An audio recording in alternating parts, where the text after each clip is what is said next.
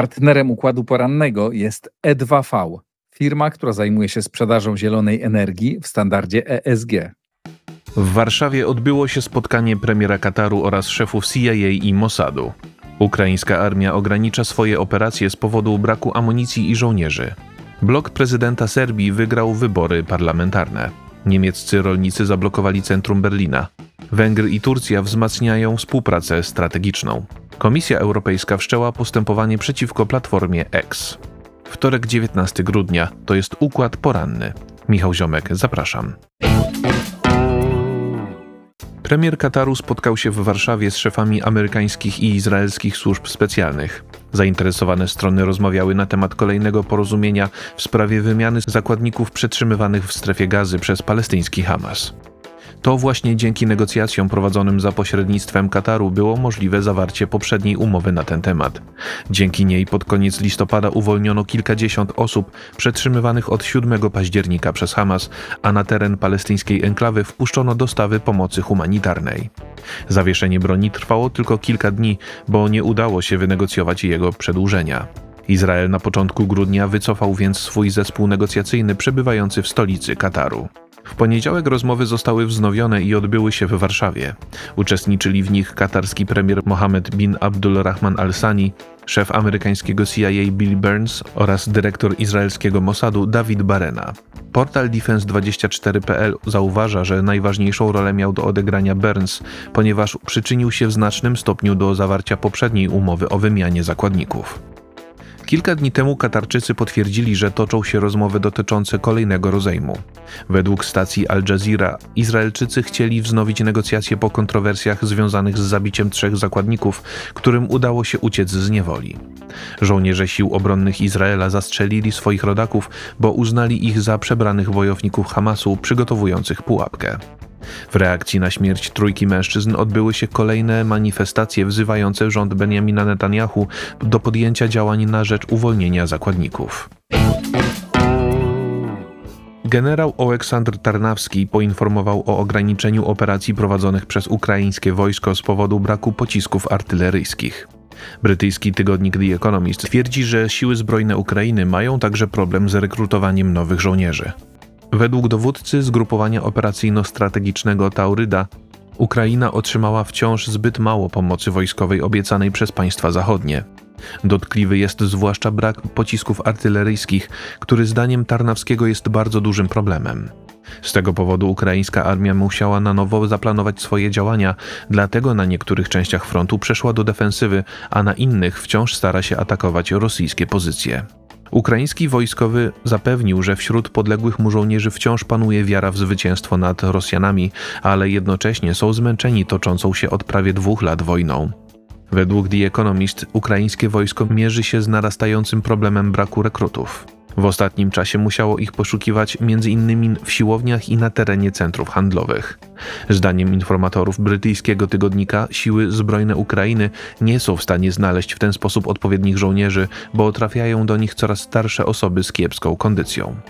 Rzecznik ukraińskiego Ministerstwa Obrony Ilarion Pawluk uważa ten problem za efekt militarnego sukcesu swojego kraju. W rozmowie z brytyjskim tygodnikiem przekonuje, że Ukraińcy w porównaniu do początku wojny nie postrzegają jej już jako bezpośredniego zagrożenia dla istnienia Ukrainy i nie są równie chętni do walki. Resort obrony pracuje nad zmianą swojej dotychczasowej strategii rekrutacyjnej.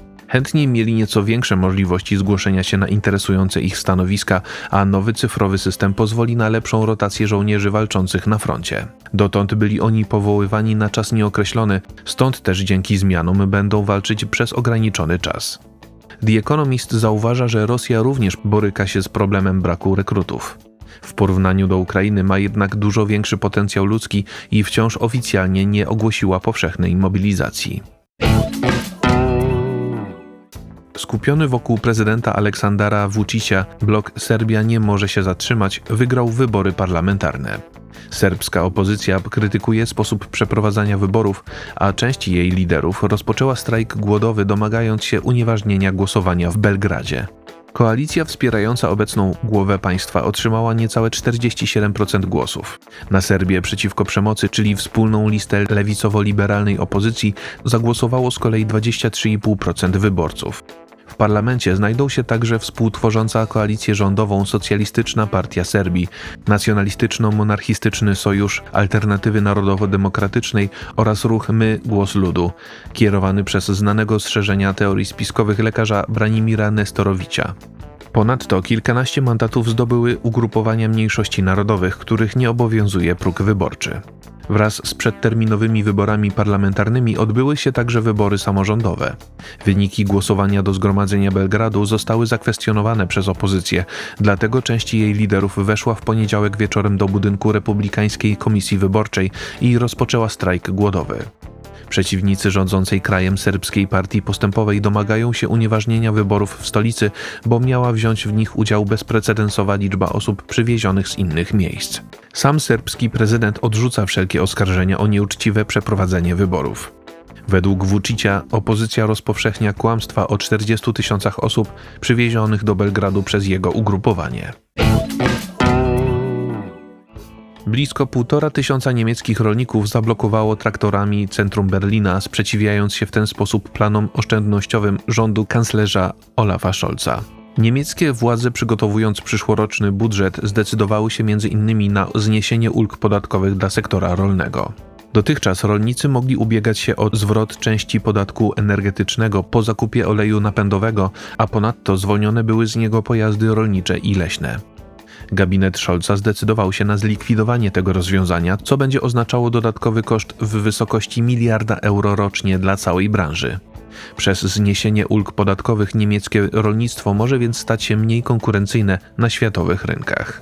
Uczestnicy demonstracji domagali się podjęcia działań przez ministra rolnictwa Czema Oezdemira, bo w przeciwnym razie na początku przyszłego roku zorganizują dużo większe protesty.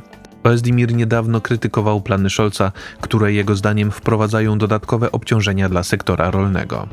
Dodatkowo zauważał, że rolnicy nie mają możliwości korzystania z pojazdów elektrycznych, dlatego potrzebują dostępu do taniego oleju napędowego.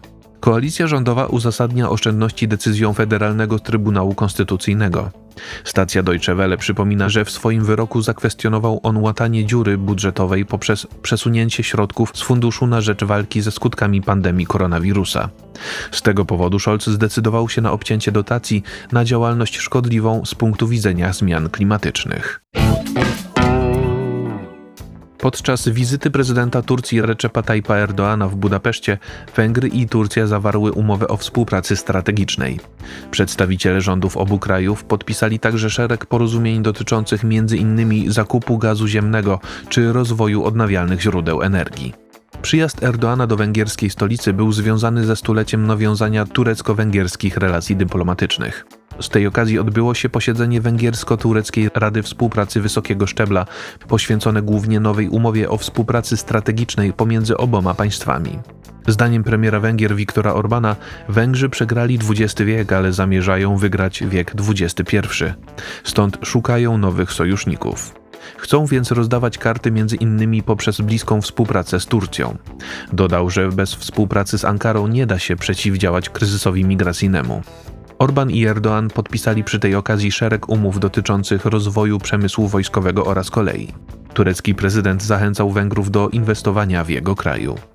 Ministrowie rządów obu państw również zawarli porozumienia o współpracy w zakresie gazu ziemnego, odnawialnych źródeł energii, mediów, kultury i rozwoju infrastruktury. Szef węgierskiej dyplomacji Peter Sijarto poinformował, że już w przyszłym roku jego kraj zacznie kupować turecki gaz. Komisja Europejska wszczęła postępowanie przeciwko platformie społecznościowej X, czyli dawnemu Twitterowi.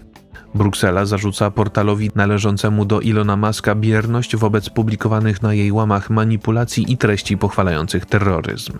Po raz pierwszy Komisja Europejska zdecydowała się wszcząć postępowanie na podstawie przepisów określających odpowiedzialność mediów społecznościowych za treści zamieszczane przez ich użytkowników. Regulacje prawne dają jej możliwość zbierania materiału dowodowego, składania w tej sprawie wniosków i prowadzenia kontroli. Portal X znalazł się pod lupą w związku z treściami publikowanymi przez internautów po ataku palestyńskiego Hamasu na Izrael. Według komisji na łamach serwisu po 7 października znalazły się treści o charakterze terrorystycznym. Serwis należący do Maska miał naruszyć ustawę o usługach cyfrowych także w zakresie szerzenia dezinformacji. W swoim dochodzeniu Komisja Europejska sprawdzi więc skuteczność wprowadzonych przez X adnotacji wskazujących na ewentualne mijanie się z prawdą przez autorów postów. Informację przygotował Maurycy Mietelski. Nadzór redakcyjny Igor Jankę. Jeżeli podoba się Państwu nasza praca, serdecznie zachęcam do wsparcia Układu Otwartego w serwisie patronite.pl. To wszystko na dzisiaj. Bardzo Państwu dziękuję za uwagę i do usłyszenia w kolejnym Układzie Porannym. Partnerem układu porannego jest E2V, firma, która zajmuje się sprzedażą zielonej energii w standardzie ESG.